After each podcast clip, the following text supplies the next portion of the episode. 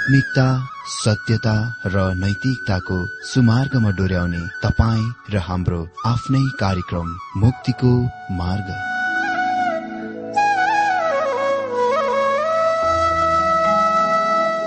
आदरणीय श्रोता यस मुक्तिको मार्ग कार्यक्रममा हार्दिक स्वागत छ।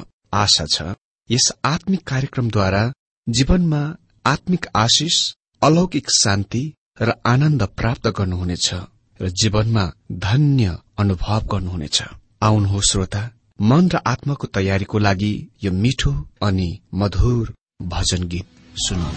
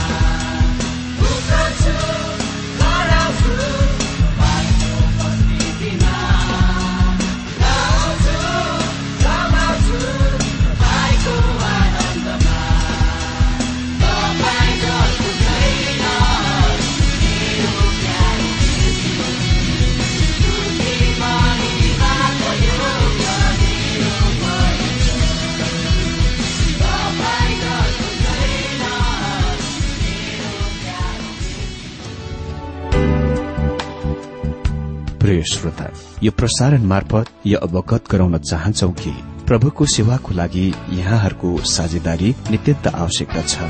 यहाँहरूले प्रार्थनाको साथसाथै आर्थिक सहायता गर्न अनुरोध गर्दछौ। तपाईँहरूको सानो भन्दा सानो भेटी किन नहोस्? हामी प्रभुको नाममा स्वीकार गर्नेछौ प्रभुको सेवाको लागि। तपाईँहरूको यो सानो लगानीले कसैको जीवनमा भिन्नता ल्याउँछ अनि प्रभुको महिमा हुन्छ? प्रभु तपाईँहरूलाई महान गरी आशिष दिनुहुनेछ। इच्छुक श्रोताहरूले तपाईँहरूको इच्छा भेटी हाम्रो ठेगानामा पठाउन सक्नुहुन्छ जुन ठेगाना हामी कार्यक्रमको अन्तमा दिनेछौ। आउनुहोस् मित्र आज पनि परमेश्वरको वचन अध्ययनमा प्रवेश गर्नभन्दा पहिले छोटो प्रार्थना गरौं। प्यार प्रभुजी तपाईँको उपस्थितिमा आज पनि आएका छौं। तपाई हामीलाई तपाईँको वचन बुझ्ने ज्ञान दिनुहोस् प्रभु र तपाईँको आत्माको अभिषेक दिनुहोस् ताकि तपाईँको वचन अध्ययन गर्न सकौं र यसमा हामी आशिषित हुन सकौं। धन्यवाद छ तपाईँले हाम्रो प्रार्थना सुन्नुभएको लागि। येशु क्रिस्टको नाममा प्रार्थना माग्छु। आमेन। मित्र आज हामी बाइबल अध्ययन प्रकाश एक्काइस अध्यायबाट देख्न गइरहेका छौं। यहाँ हामी मुख्य विषयको रूपमा देख्नेछौ अनन्ततातिर प्रवेश। अनन्तताको प्रकट। अनन्तताको प्रकाश एक्काइस अध्यायमा उदाङ्गो गरिएको छ प्रकट गरिएको छ।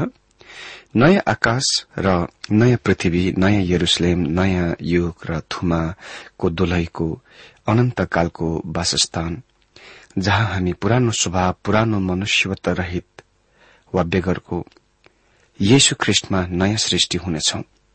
यो अध्यायसँग पृथ्वीसँग राख्नुपर्ने सरोकार केही पनि छैन। सिर्फ पहिले केही पदहरू छोडेर अनि त्यसमा हामी चर्चको अनन्त वासस्थानको देख्छौं। वास्तवमा स्वर्गीय कस्तो छ? मित्र स्वर्गीयको बारेमा अझ धेरै भावनात्मक कुराहरू भनिन्दछन् अनि हामी एकदम भावुक बन्दछौ जब हामी स्वर्गीयको बारेमा कुरा गर्छौं। तर स्वर्गीय एक स्थान हो एक एकदम निश्चित स्थान। तपाईँको त्यहाँ ठेगाना पाउन सक्नुहुन्छ।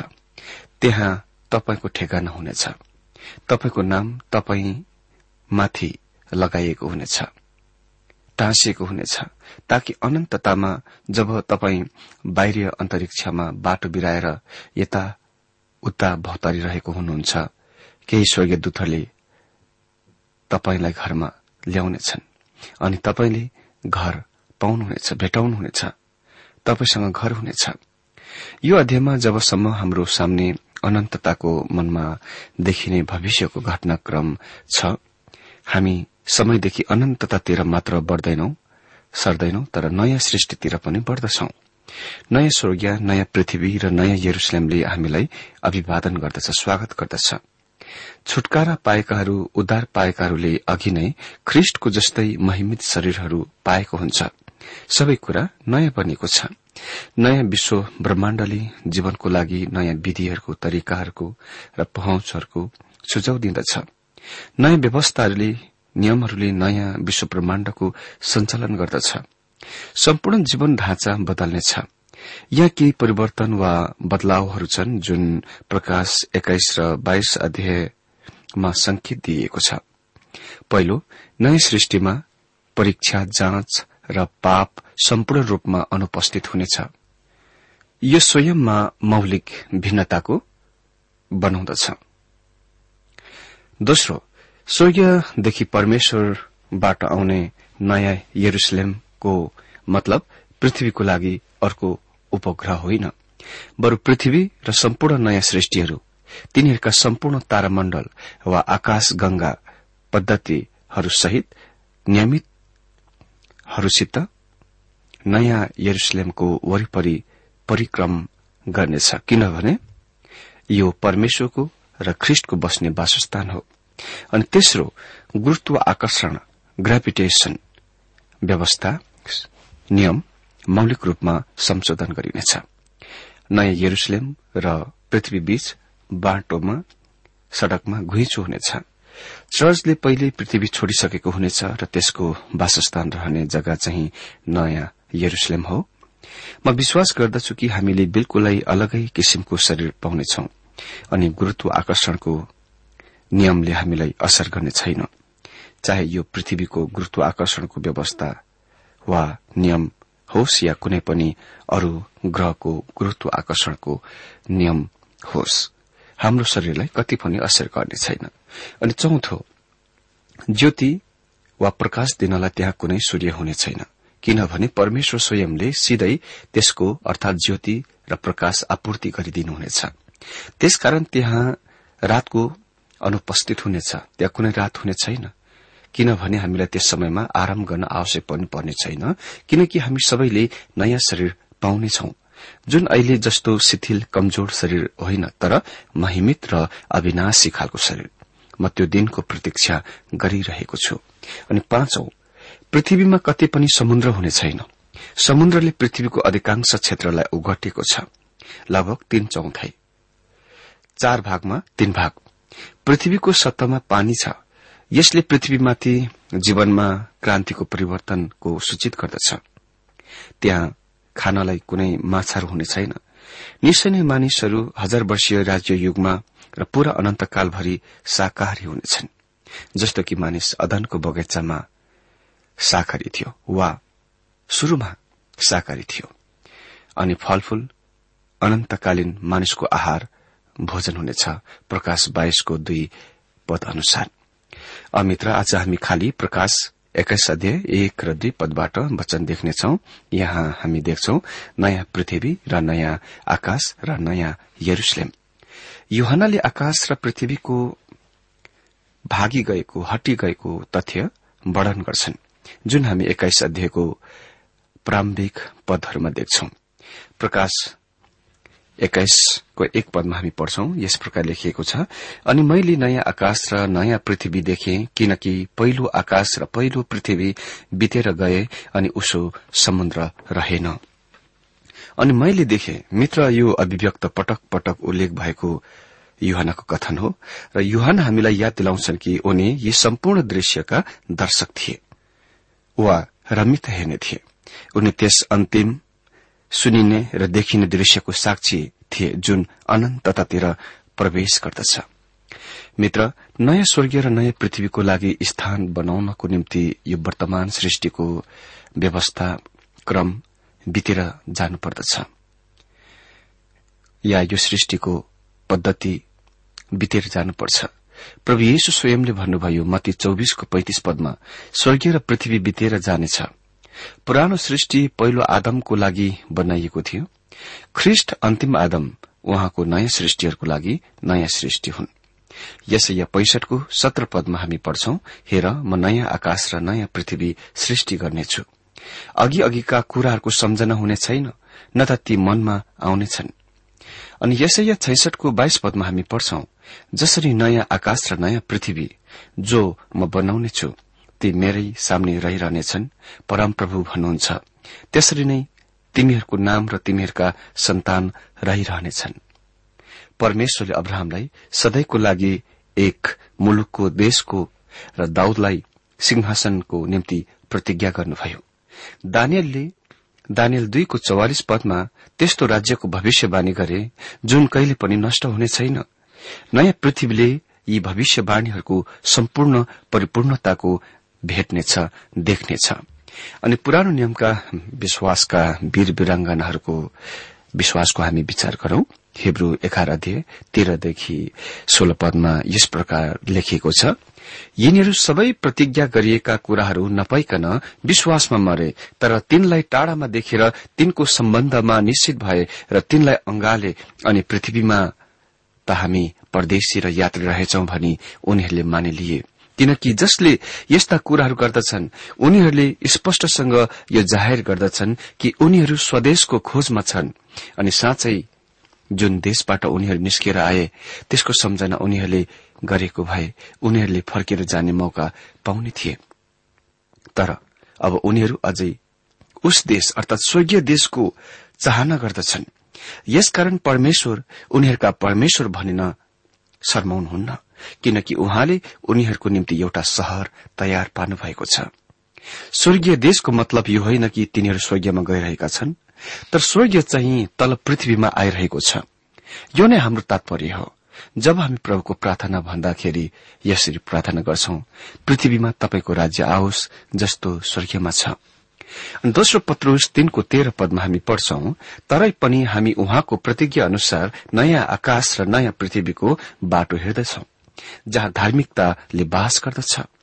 पत्रुसले आफ्नो दोस्रो पत्रमा स्पष्ट रूपमा घोषणा गर्छन् कि हामी रहेको वर्तमान पृथ्वी आगोद्वारा नष्ट गरिनेछ। दोस्रो पत्रुस तीन अध्यय सात दश र एघार पदमा हामी पढ्छौं। तर त्यही वचनद्वारा अहिलेका आकाशहरू र पृथ्वी जगाइएका छन्। न्यायको दिन र भक्तिहीन मानिसहरूका विनाशको लागि आगोको लागि साँचिएका छन्।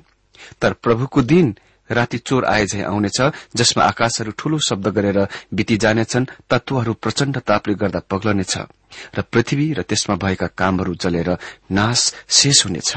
तब यी सबै कुराहरू पग्लनेछन् तब परमेश्वरको दिनको आगमनको बाटो हेर्दै र त्यसका निम्ति हतारिँदै सबै पवित्र चाल चलन र भक्तिमा तिमीहरू कस्तो किसिमको मानिसहरू हुनुपर्छ त? हामीलाई संकेत दिइसकिएको छ कि नयाँ पृथ्वीको मुख्य विशेषता चाहिँ समुद्रको अनुपस्थित हो। यसले आफसे आप जलवायु मौसमको वातावरणको र तमाम प्रकाश वा ज्योति दिने अवस्थाहरूको परिवर्तन गर्नेछ। नयाँ सृष्टिमा स्थान लिने महान परिवर्तनहरूको बुझ्न मानव दिमाग मस्तिष्कको लागि असम्भव छ। भूतकालमा समुद्र बाधा विघ्न र मानव जातिको लागि सिमाना बनिएको छ। जुन केही क्षेत्रमा असल भएको छ भने अरू कुनै क्षेत्रमा खराब। साथै समुद्र पानी जल प्रलयको बेला दण्डको औजार साधन पनि थियो। तर पनि समुद्रको लोपको कारण पृथ्वीमा जनसंख्या जमीनको सट्टको वृद्धिको कारण दोबर धेरै हुनेछ। दुई पदमा भनिएको छ एक्काइसको दुई पदमा अनि म युहनाले पवित्र शहर नयाँ यरुसलेमलाई परमेश्वरतर्फबाट स्वर्गीयदेखि तल झरिरहेको देखे। जो आफ्नो पतिका निम्ति सिंगारिएको दुलही चाहिँ तयार भएको थियो। मित्र यो नै भाग वा कुराले हामीलाई धेरै रूचि दिलाउँछ र दिलाउनु पर्छ म विश्वास गर्दछु कि हामी सत्य परमेश्वरको सन्तानहरू नयाँ यरुसलेममा रहन वा हुन गइरहेका छौं। जब तपाईँ स्वर्गीयमा गइरहनु हुने कुराको बारेमा कुरा गर्नुहुन्छ तपाईँ यसको बारेमा के सोच्नुहुन्छ? धेरै मानिसको लागि यो कुनै कहीँ कतैको सुन्दर द्वीप जस्तै हो। तर यो निश्चित स्थान हो मित्र। यस सरलाई नयाँ यरुसलेम भनिएको छ। त्यो स्वयं भित्रको एक ग्रह हो।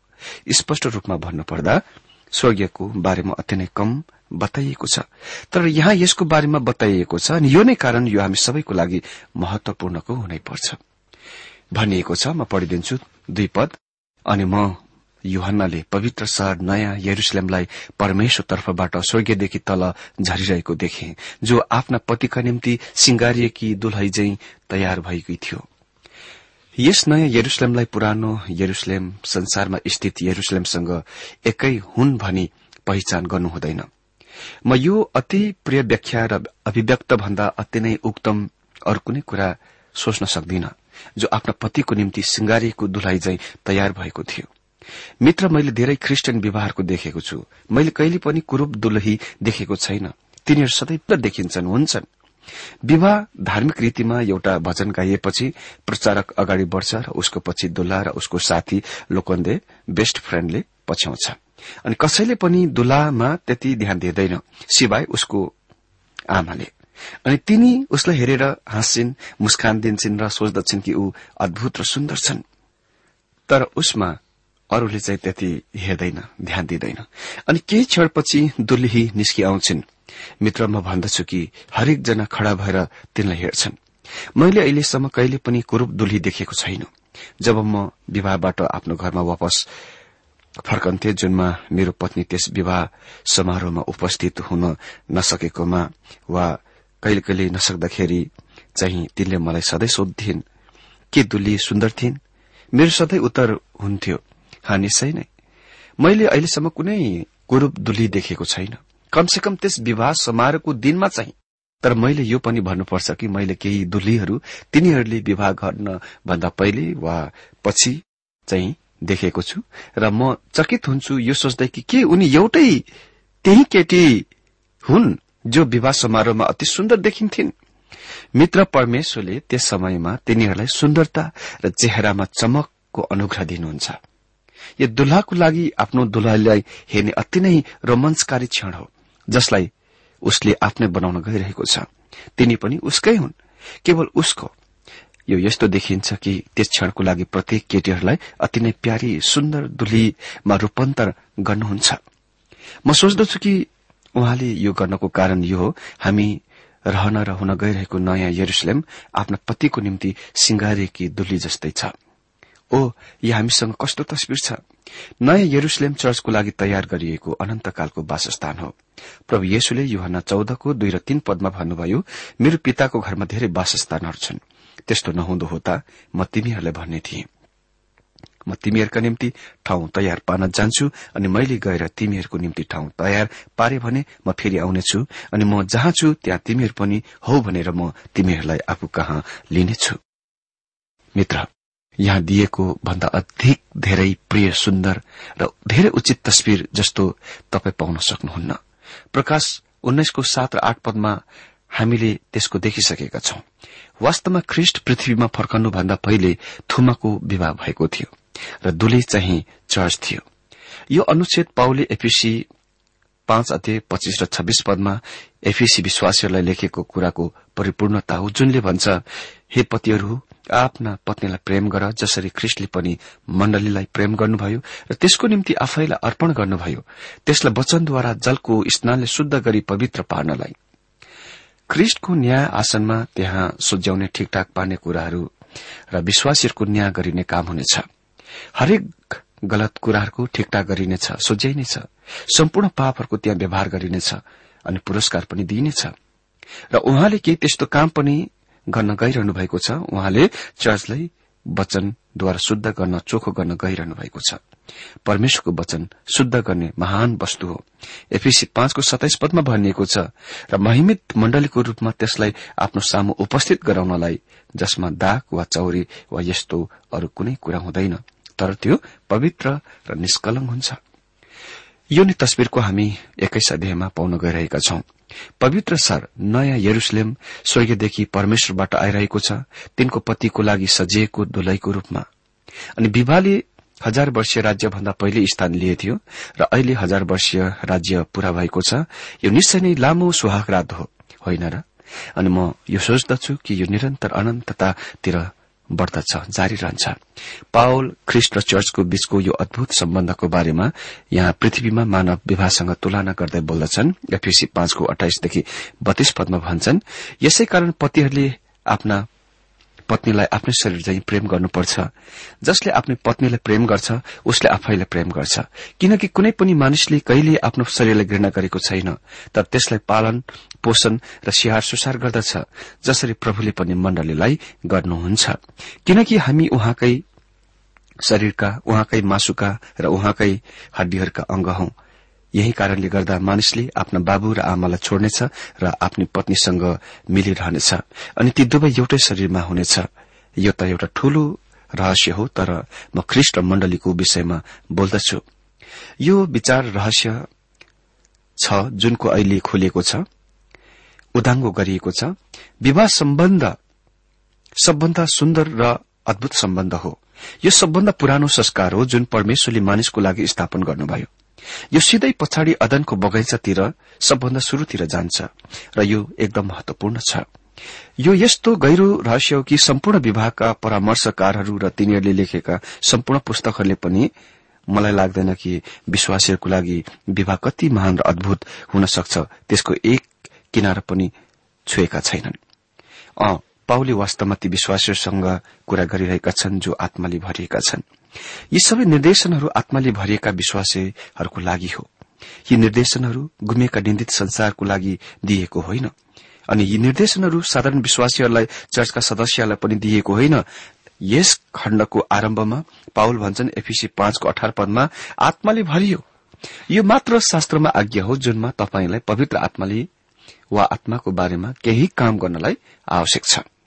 यहाँ हामी केही त्यस्तो कुरा थाहा पाउँछौ जुन बुझ्नलाई कठिन छ र यसले हामीलाई विवाहको अन्तर्दृष्टि दिन्छ।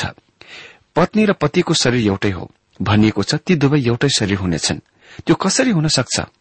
के तपाईँले कहिले सुन्दर बच्चालाई हेर्नु भएको छ जुनको अनुहार आमाको जस्तो छ र स्वभाव मिजाज चाहिँ पिताको जस्तो? त्यहाँ नै तिनीहरू एकसाथ मिल्दछन् र त्यहाँ नै तिनीहरू एउटै शरीर हुन्। तर यो रहस्य चाहिँ त्योभन्दा गहिरो छ। जब पतिले आफ्नो पत्नीलाई प्रेम गर्छ उसले वास्तवमा आफैलाई प्रेम गर्छ। अनि यो पत्नीको सम्बन्धमा पनि सत्य छ। जब तिनले आफ्नो पतिलाई प्रेम गर्दछिन् र तिनी वास्तवमा आफैलाई प्रेम गरिरहेको हुन्छन् तपाईँ त्योभन्दा धेरै घनिष्ठता कति पनि पाउन सक्नुहुन्न। जब म मेरो खुट्टामा चोट पुर्याउँछु वा चोट लाग्छ म त्यसलाई व्यवस्था गर्दिन म त्यसलाई सक्दो स्याहार गर्नेछु म डाक्टर कहाँ जानेछु र यदि आवश्यक परे त्यसको अपरेशनद्वारा साफ गर्न र तिनलाई त्यसको सिलाइ पनि गर्नेछु। र निको गर्नलाई सकभर कोशिश गर्नेछु किनकि त्यो मेरो जीवनको अंग हो। त्यसरी नै मेरो पत्नी मेरो एक भाग हो। तिनी मेरो शरीर हो। हामी एउटै शरीर हौ। यो बुझ्नलाई कठिन छ र त्यो नै घनिष्ठता व्यक्तिगत हो। यसले हामीलाई सृष्टिको समयतिर पछाडितिर लान्छ। उत्पत्ति दुईको तेइसदेखि पच्चीस पदमा भनिएको छ जुन करङ परम प्रभु परमेश्वरले मानिसबाट निकाल्नु भएको थियो त्यसबाट एउटै स्त्री बनाएर मानिसका ल्याउनुभयो मानिसले भन्यो यो त मेरै हाट र मासुको मासु हो। त्यसलाई स्त्री भनिनेछ किनभने तिनी पुरूषबाट निकालिएकी थिइन्। यसै कारण मानिसले आफ्ना आमा बाबुलाई छोड्छ र आफ्नो स्वास्नीसँग मिलिरहन्छ र तिनीहरू एउटै शरीर हुन्छन्। मानिस र तिनकी स्वास्नी दुवै नाङ्गा थिए।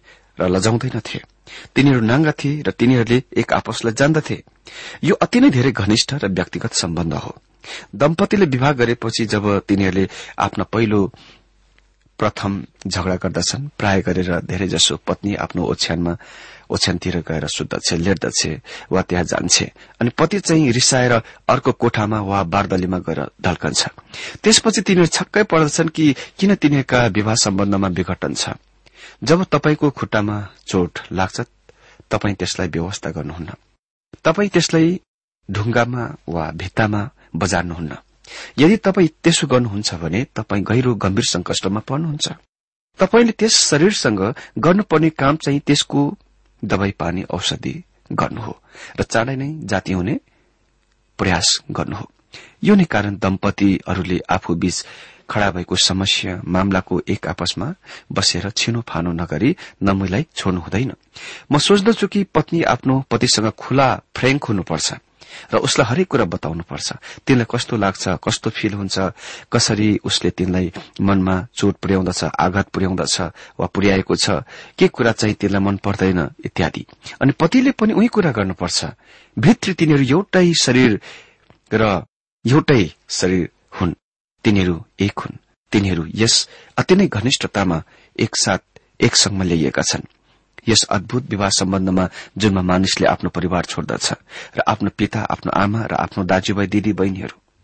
अहिले उनी एक स्त्रीसँग एउटै जोडिएका छन् एकै भएका छन् र तिनीहरू एउटै शरीर हुन्। तिनीहरूले एक किसिमको नयाँ सृष्टिको शुरू गरेका छन् र अनि विवाह सम्बन्ध त्यस्तै नै हुनुपर्छ। त्यस्तो परिवार देख्ने कुरा कति अद्भुत हो जहाँ पुरूष र उसको पत्नीसँग तिनीहरूको बीचमा विघ्न बाधा छैन। तिनले उसलाई चाहिँ किताबलाई जस्तै जान्दछन् र एक आपसलाई जान्दछन् र तिनीहरू एक आपसमा प्रेम गर्दछन्। जबसम्म त्यस प्रकारको सम्बन्ध स्थापन हुँदैन तपाईँले आफ्नो विवाहमा समस्या पाउन गइरहनु भएको छ र पाउनुहुनेछ। किनभने परमेश्वरले हामीलाई त्यस तरिकामा बनाउनुभयो। मित्र विवाह खालि एक ठाउँमा एकसाथ बस्नु एकसाथ सुत्नुलाई वा त्यस किसिमको प्रबन्ध व्यवस्था भन्दा अधिक धेरै कुरो हो।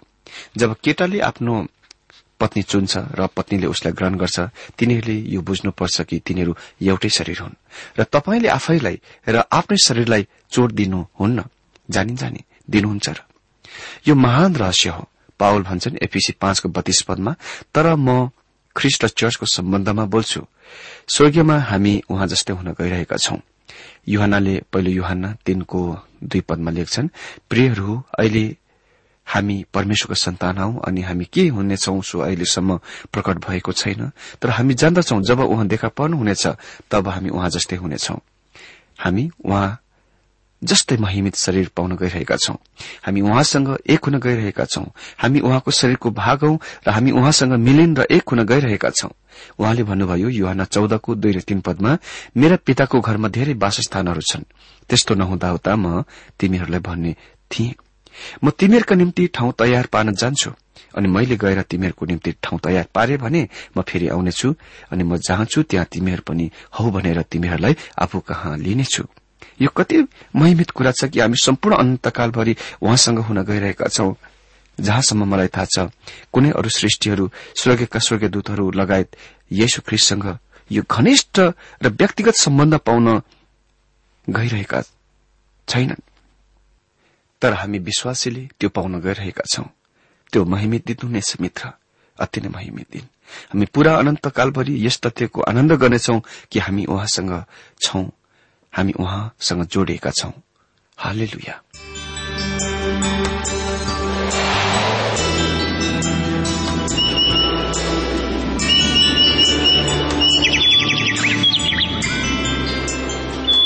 प्रिय श्रोता अहिले भर्खरै तपाईँले टीडब्ल्यूआर नेपालद्वारा संचालित आत्मिक कार्यक्रम मुक्तिको मार्ग सुनिरहनु भएको थियो। श्रोता आजको यो कार्यक्रम सुनेर तपाईँलाई कस्तो लाग्यो? यदि यो कार्यक्रम सुनेर मनमा कुनै खुल्दुली वा कुनै प्रतिक्रिया अर्थात सुझावहरू छन् भने हामीलाई पत्रद्वारा लेख्न सक्नुहुनेछ। हामी हृदयदेखि नै स्वागत गर्नेछौ स्वीकार गर्नेछौ साथै बाइबल सम्बन्धित प्रचारहरू कार्यक्रम सारणीहरू हामी अनुरोधमा पठाउन सक्छौ। अनि तपाईँसँग कुनै प्रार्थनाको विषय छन् भने हामीले तपाईँको लागि प्रार्थना गरेको चाहनुहुन्छ। चाहनुहुन्छ भने प्रभुमा आफ्नै परिवार सम्झेर हामीलाई पत्रमा लेख्न सक्नुहुनेछ। तपाईँको लागि हामी प्रभु येशुसँग प्रार्थना गर्नेछौ। अधिक जानकारी र पत्रचारको लागि हाम्रो ठेगाना यस प्रकार छ। कार्यक्रम मुक्तिको मार्ग जीपीओ नम्बर उनानब्बे पचहत्तर इपिसी पच्चिस एकसठी काठमाडौँ। ठेगाना एकपल्ट सुन्नुहोला। कार्यक्रम मुक्तिको मार्ग जीपीओ नम्बर उनानब्बे पचहत्तर इपिसी पच्चिस एकसठी काठमाडौँ। हाम्रो इमेल एड्रेस हो TWR Nepal at Yahoo dot com. साथै यस नम्बरमा एसएमएस गर्न सक्नुहुनेछ। अन्ठानब्बे चार सत्तरी पैतिस छ सय उनासी नौ आठ चार सात जिरो तीन पाँच छ सात नौ। हुन्छ श्रोता आजलाई हामी विदा चाहन्छौ। अर्को कार्यक्रममा हामी पुनः भेट्नेछौ तबसम्मलाई नमस्कार।